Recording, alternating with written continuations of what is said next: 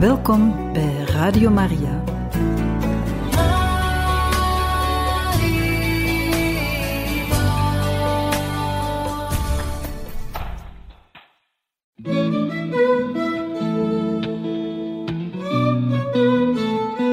De kerk spreekt. De zorg van een moeder door de eeuwen heen. Een programma van Radio Maria.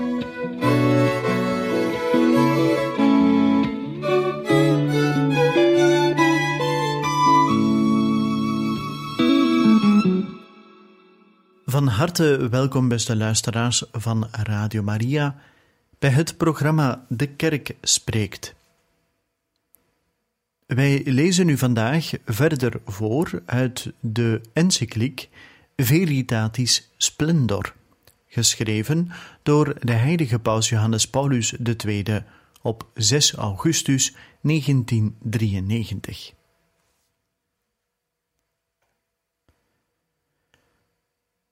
We gaan verder in het eerste hoofdstuk en zijn ondertussen aangekomen bij paragraaf 4. Het eerste hoofdstuk stelt de vraag: Meester, wat voor goeds moet ik doen? Uit het Matthäus-evangelie, hoofdstuk 19, vers 16. Christus en het antwoord op de morele vraag. Paragraaf 4.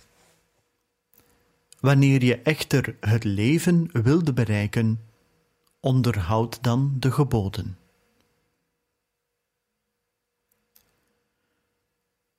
Alleen God kan op de vraag naar het goede antwoorden, omdat Hij het goede is.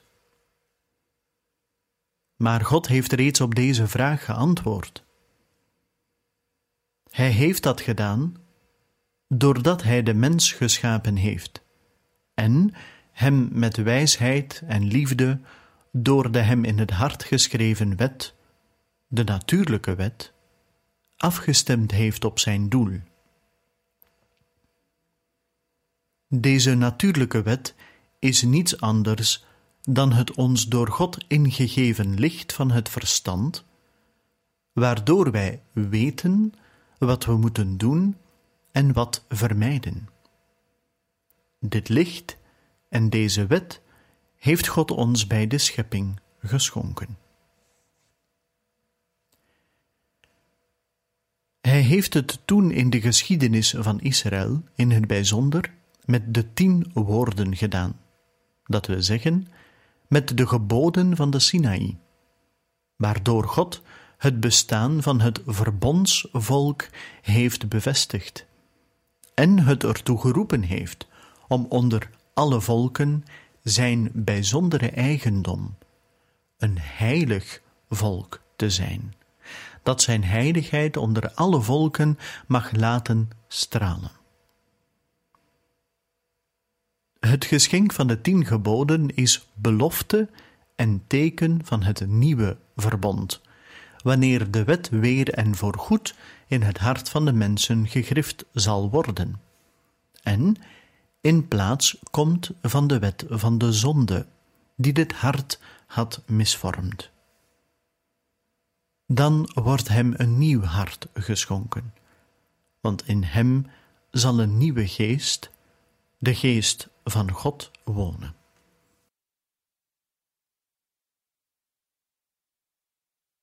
Na de betekenisvolle precisering in de parabel slechts één is de goede, antwoordt Jezus daarom de jonge man, Wanneer je echter het leven wilde bereiken, onderhoud dan de geboden. Vers 17 uit het 19e hoofdstuk van het Evangelie volgens de heilige Matthäus.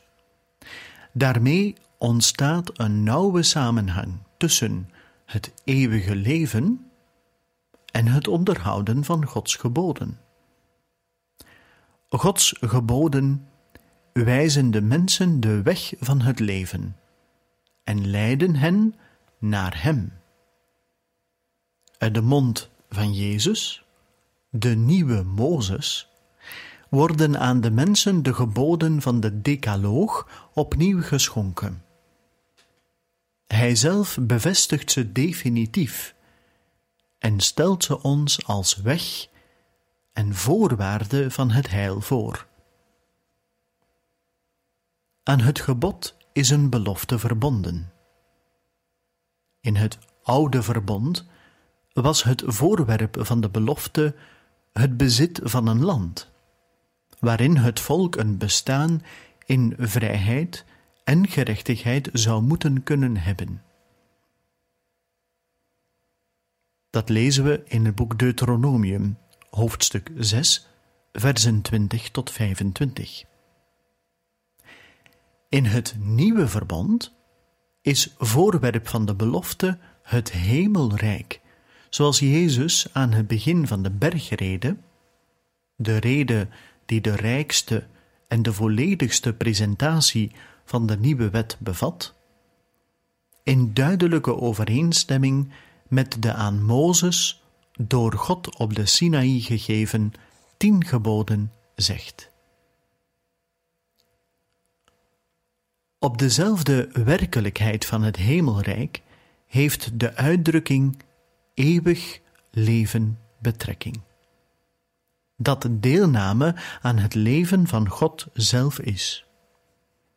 Het vindt zijn volmaakte verwerkelijking pas na de dood, maar is in het geloof nu al licht der waarheid, bron van zin voor het leven, beginnende deelneming aan een volheid in de navolging van Christus. Jezus zegt namelijk na de ontmoeting met de rijke jongeling tot de leerlingen: En ieder die omwille van mijn naam huizen of broeders, zusters, vaders, moeders, kinderen of akkers verlaten heeft, zal daarvoor het honderdvoudige ontvangen en het eeuwige leven winnen.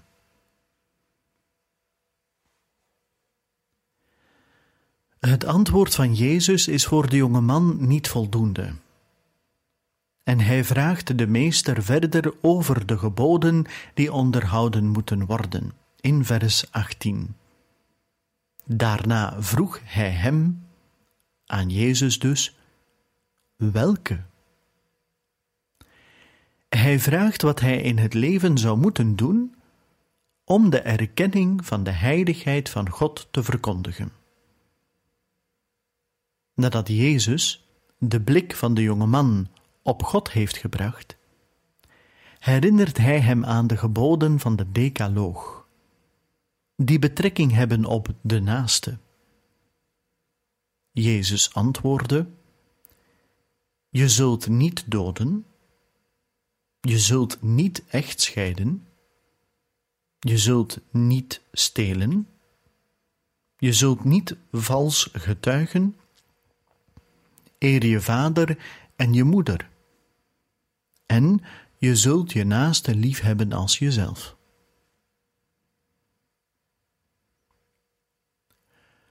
Uit de samenhang van het gesprek, en vooral uit de vergelijking van de tekst bij Matthäus met de parallelplaatsen bij Marcus en Lucas, blijkt dat Jezus niet de bedoeling heeft alle geboden die nodig zijn om het leven te bereiken, één voor één op te sommen.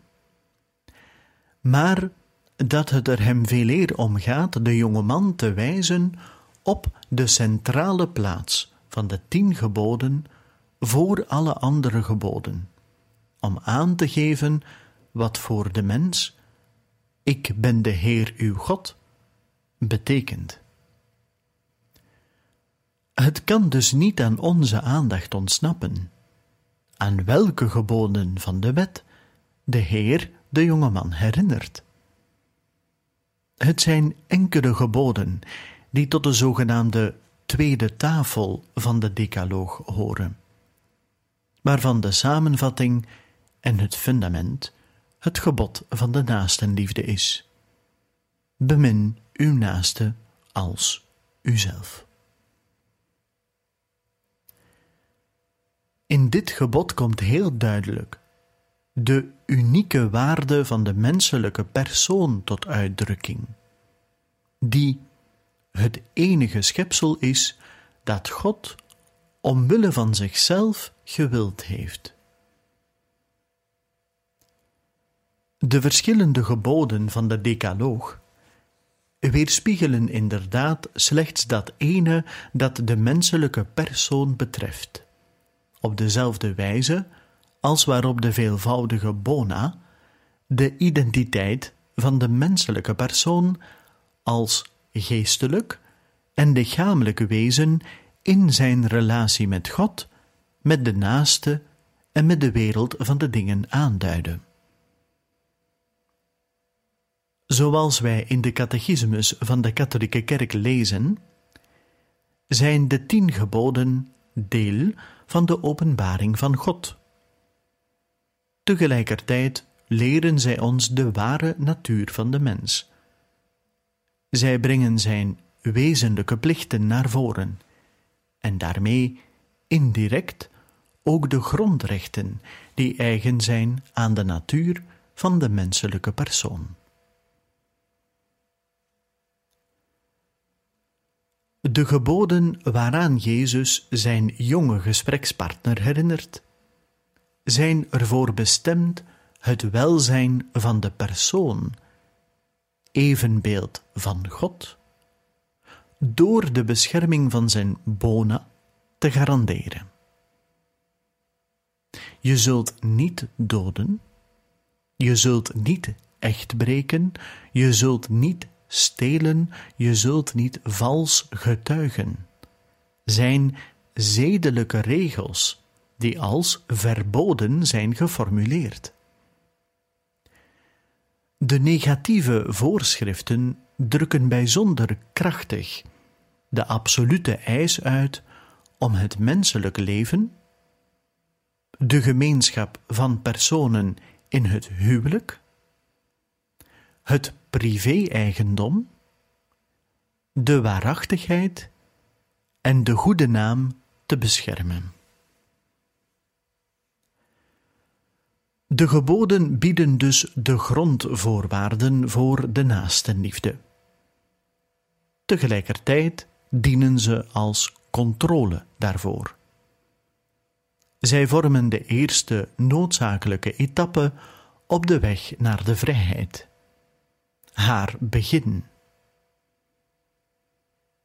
De eerste vrijheid, zo schrijft de heilige Augustinus, bestaat in het vrij zijn van schuldige daden.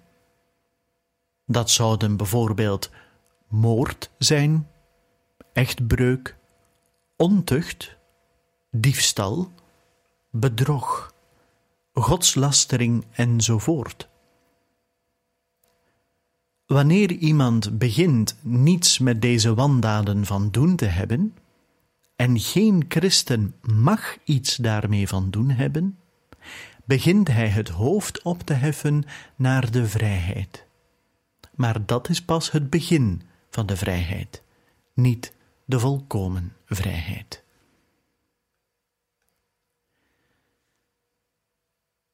Dat betekent natuurlijk niet dat Jezus voorrang zou willen geven aan de naastenliefde, of haar zelfs van de liefde tot God scheiden. Het tegendeel is het geval, zoals zijn gesprek met de wetgeleerden bewijst. Als deze hem een bijna gelijke vraag als de rijke jongeling stelt, ziet hij zich door Jezus verwezen naar de beide geboden van de liefde, tot God en de naaste.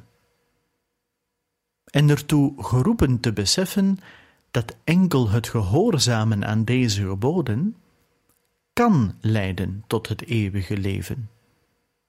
Zo staat er in deze passage in het Evangelie volgens de heilige Lucas, hoofdstuk 10, versen 25 tot 27, en dan volgende in vers 28.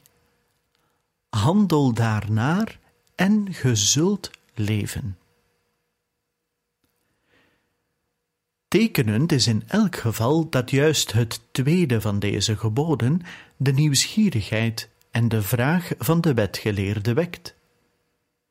In vers 29 horen we: En wie is mijn naaste? De meester antwoordt met de parabel van de barmhartige Samaritaan. De sleutelparabel voor het volle verstaan van het gebod van de naastenliefde. De beide geboden waaraan de hele wet hangt en de profeten zijn ten diepste met elkaar verbonden en doordringen elkaar.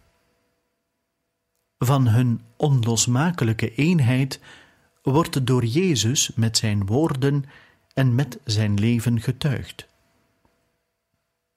Zijn zending bereikt haar hoogtepunt aan het kruis, dat de verlossing brengt, teken van zijn ondeelbare liefde tot de Vader en tot de mensheid.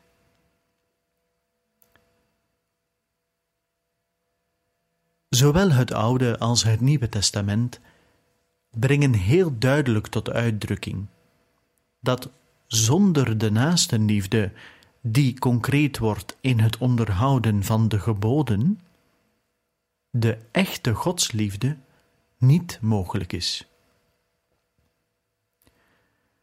Met buitengewone kracht van woorden schrijft de heilige Johannes in zijn eerste brief het volgende. U kan de passage vinden in het vierde hoofdstuk, vers 20. Als iemand zegt: Ik bemin God, maar zijn broeder haat, is hij een leugenaar. Wie immers zijn broeder niet bemint die hij ziet, kan God niet beminnen die hij niet ziet. De evangelist stemt in met de morele verkondiging van Christus, die in de parabel van de barmhartige Samaritaan en in de redevoering over het laatste oordeel op bewonderenswaardige en niet mis te verstaande wijze haar uitdrukking vindt.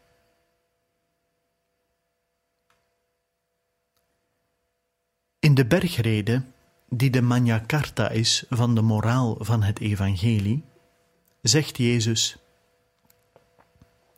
en u kan dat vinden in het vijfde hoofdstuk uit het Evangelie volgens de heilige Matthäus, vers 17.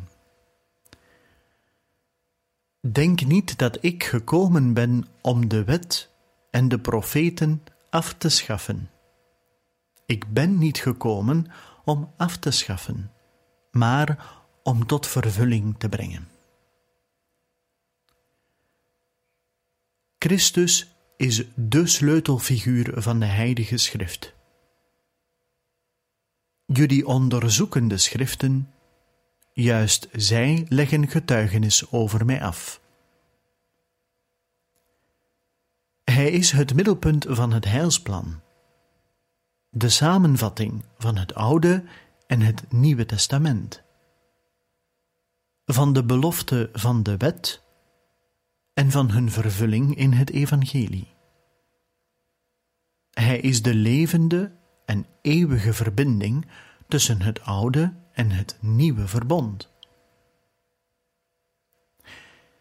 In zijn commentaar op de vaststelling van Paulus, die we vinden in de brief aan de Romeinen hoofdstuk 10, vers 4, waar Paulus zegt: Christus is het einde van de wet, schrijft de heilige Ambrosius: Einde niet als wegvallen, maar als volheid van de wet. Deze vervult zich in Christus. Plenitudo legis in Christo est vanaf het moment waarop hij gekomen is. Niet om de wet op te heffen, maar om haar ten einde te voeren, haar te vervullen. Juist zoals er een Oude Testament is, maar alle waarheid in het Nieuwe Testament is, zo gaat het ook met de wet. Die wet die door Mozes is gegeven, is zinnebeeld van de wet. Die wet is waarlijk een afschrift van de waarheid.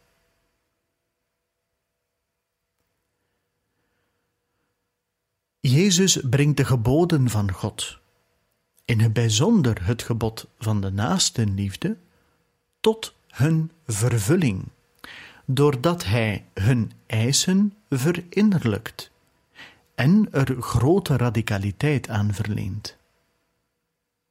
De liefde tot de naaste komt uit een hart dat bemint, en dat juist daarom, omdat het bemint, bereid is aan de hoogste eisen te voldoen.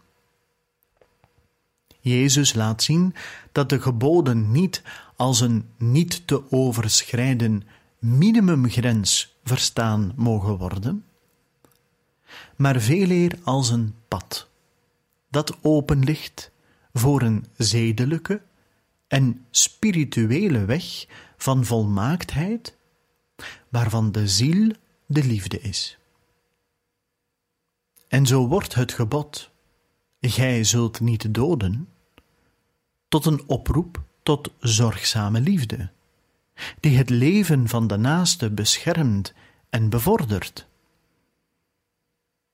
Het gebod dat de echtbreuk verbiedt, wordt tot een uitdaging tot een reine blik, die in staat is de bruidsbetekenis van het lichaam te respecteren.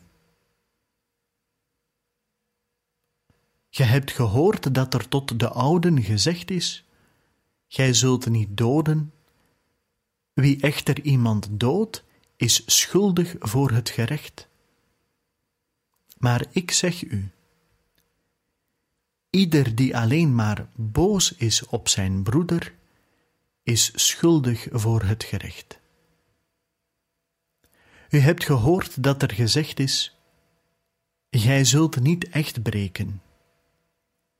Ik echter zeg u: wie alleen maar begeerig naar een vrouw kijkt, heeft in zijn hart reeds echtbreuk met haar gepleegd. Het zijn de woorden uit het Matthäus-evangelie, hoofdstuk 5, versen 21 tot 22 en versen 27 tot 28. Jezus zelf is de levende vervulling van de wet, omdat Hij de betekenis van de wet met het totale wegschenken van zichzelf in praktijk brengt. Hij zelf wordt in zijn geest tot levende en persoonlijke wet die tot navolging uitnodigt, die de genade schenkt om zijn leven en zijn liefde te delen, en die de kracht biedt om in beslissingen en daden van Hem getuigenis af te leggen.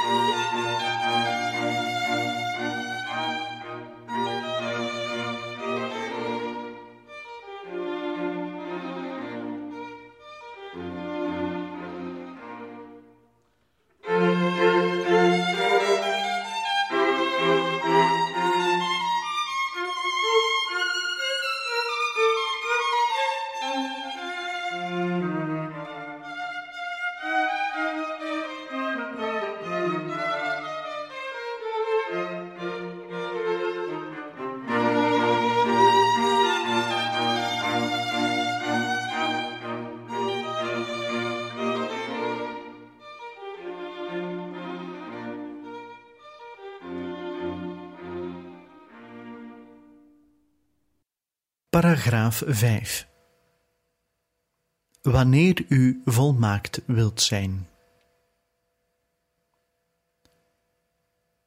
Het antwoord over de geboden bevredigt de jonge man niet. Die Jezus vraagt: Al deze geboden heb ik in acht genomen, wat ontbreekt mij nu nog? Vers 20 van datzelfde negentiende hoofdstuk uit het Matthäus-evangelie. Het is niet gemakkelijk om met een goed geweten te zeggen: Al deze geboden heb ik opgevolgd. Wanneer het gewicht van de in Gods wet opgesloten eisen juist en nauwkeurig gewogen wordt. En hoewel het hem mogelijk is zulk een antwoord te geven, en hoewel hij van jongs af het zedelijke ideaal met ernst en edelmoedigheid heeft nagestreefd, weet de rijke jongeling dat hij nog ver van het doel verwijderd is. Oog in oog met Jezus wordt hij gewaar dat hem nog iets ontbreekt. Op het besef van dit tekort gaat Jezus in zijn laatste antwoord in, vers 21. Terwijl de goede meester het verlangen naar een volheid die boven de legalistische uitleg van de geboden uitstijgt, oppakt, nodigt hij de jonge man uit de weg van de volmaaktheid in te slaan. En antwoordt: Wanneer je volmaakt wilt zijn, ga dan. Verkoop je bezit en geef het geld aan de armen. Zo zul je een blijvende schat in de hemel hebben. Kom dan en volg mij.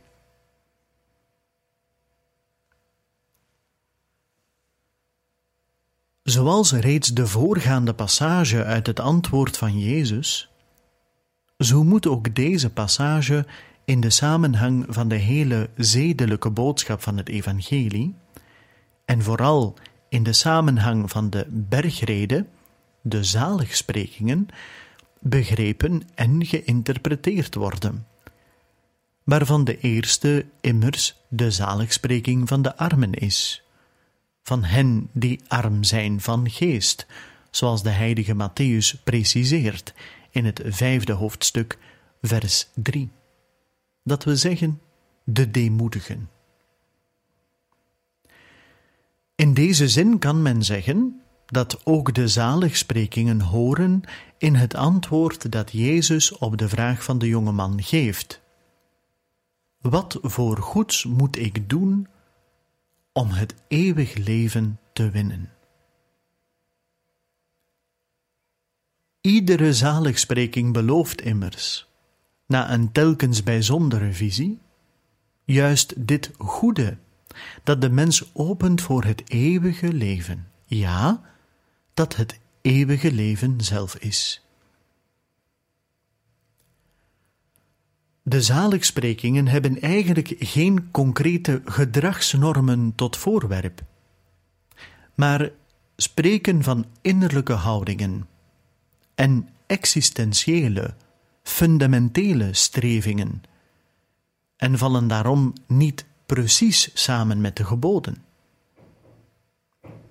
Anderzijds bestaat er geen scheiding of discrepantie tussen de zaligsprekingen en de geboden. Beiden hebben dus betrekking op het goede, op het eeuwige leven. De bergrede begint met de verkondiging van de zaligsprekingen, maar bevat ook een relatie tot de geboden. Tegelijk toont de bergrede de opening en oriëntering van de geboden op de perspectieven van de volmaaktheid, die tot de zaligsprekingen hoort.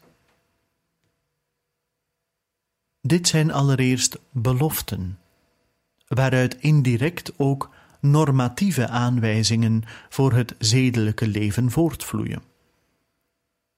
In hun oorspronkelijke diepte zijn ze zoiets als een zelfportret van Christus, en juist daarom uitnodigingen tot zijn navolging en tot levensgemeenschap met Hem.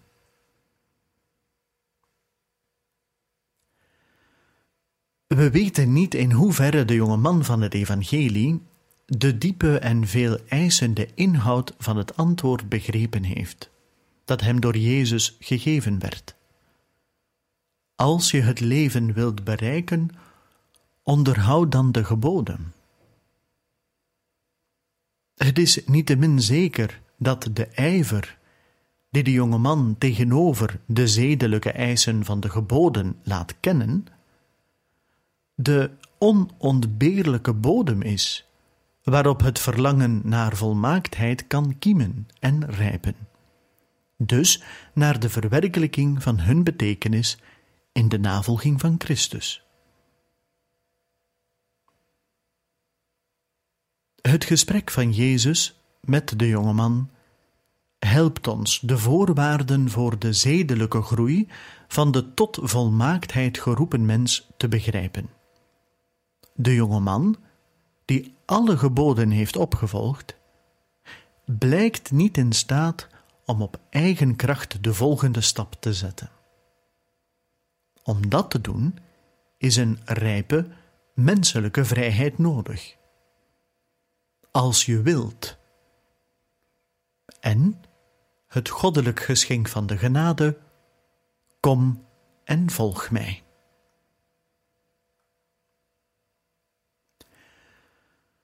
De volmaaktheid vraagt die rijpheid in de zelfgave, waartoe de vrijheid van de mens geroepen is. Jezus wijst de jonge man op de geboden als de eerste onopgeefbare voorwaarde om het eeuwige leven te bereiken.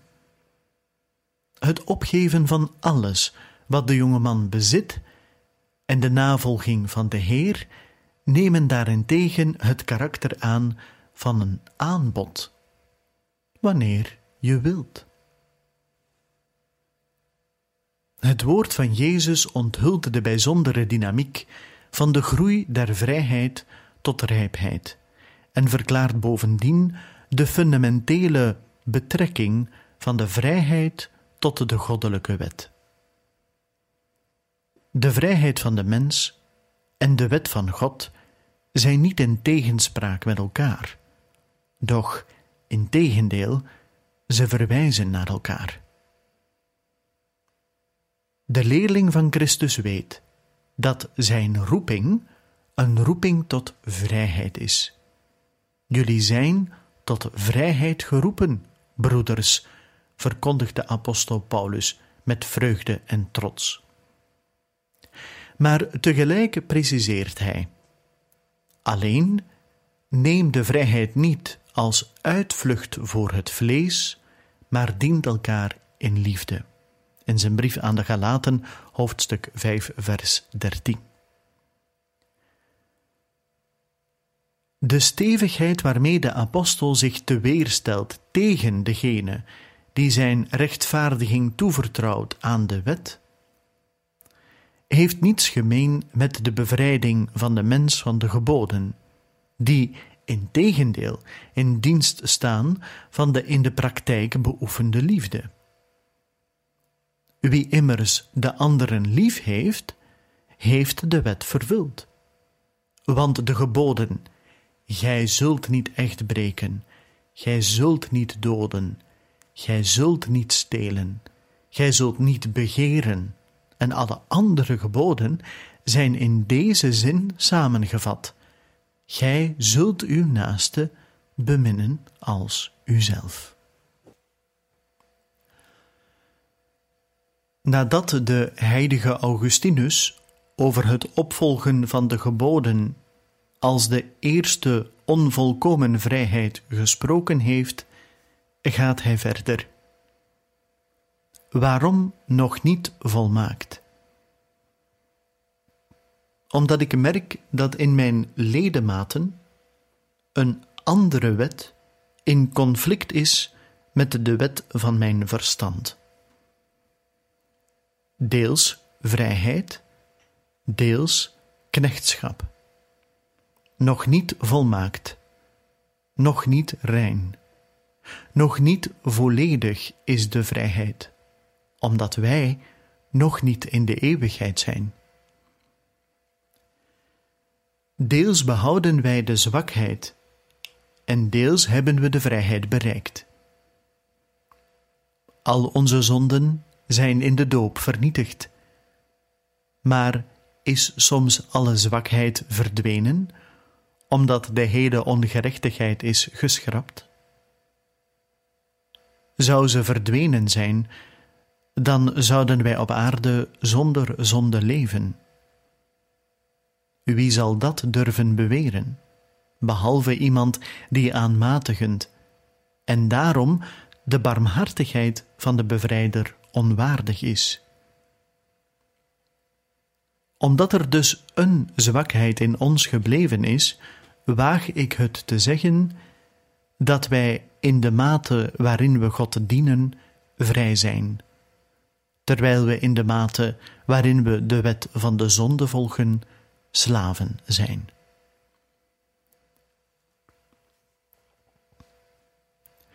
Wie naar het vlees leeft, ervaart de wet van God als een last.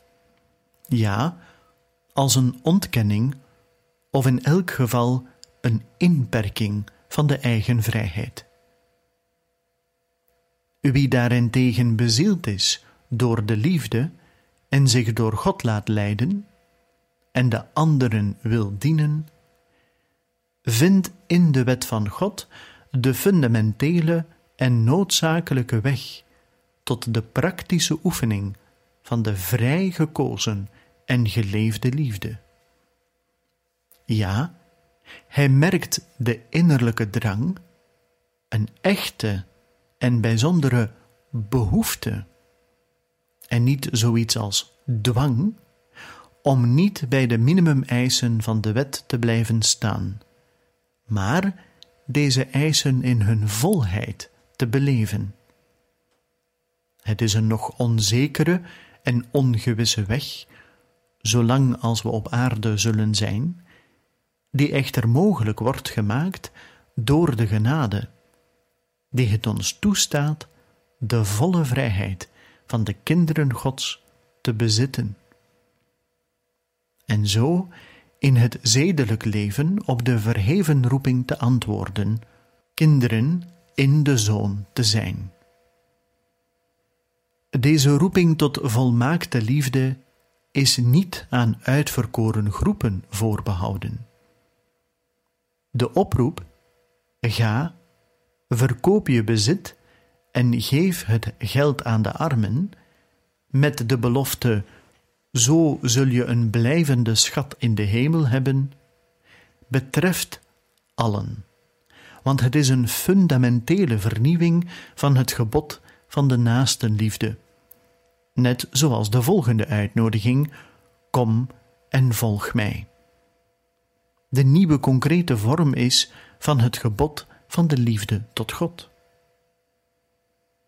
De geboden en de uitnodiging van Jezus aan de rijke jongeling staan in dienst van een enige, ondeelbare liefde die uit eigen impuls naar volmaaktheid streeft en waarvan de maat alleen God is.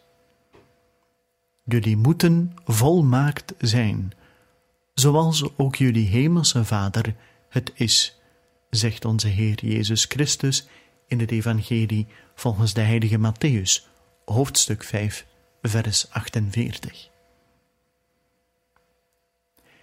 In het Lucas-evangelie preciseert Jezus de betekenis van deze volmaaktheid nog verder. Weest barmhartig, zoals jullie Vader barmhartig is. Het Evangelie volgens de heilige Lucas, hoofdstuk 6, vers 36.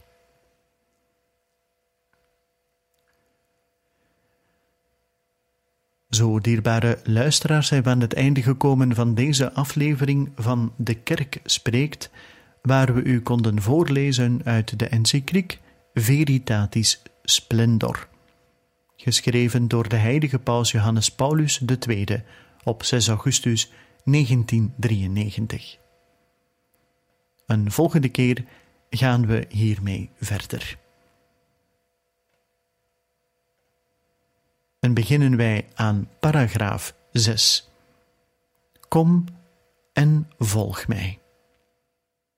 Graag tot een volgende keer.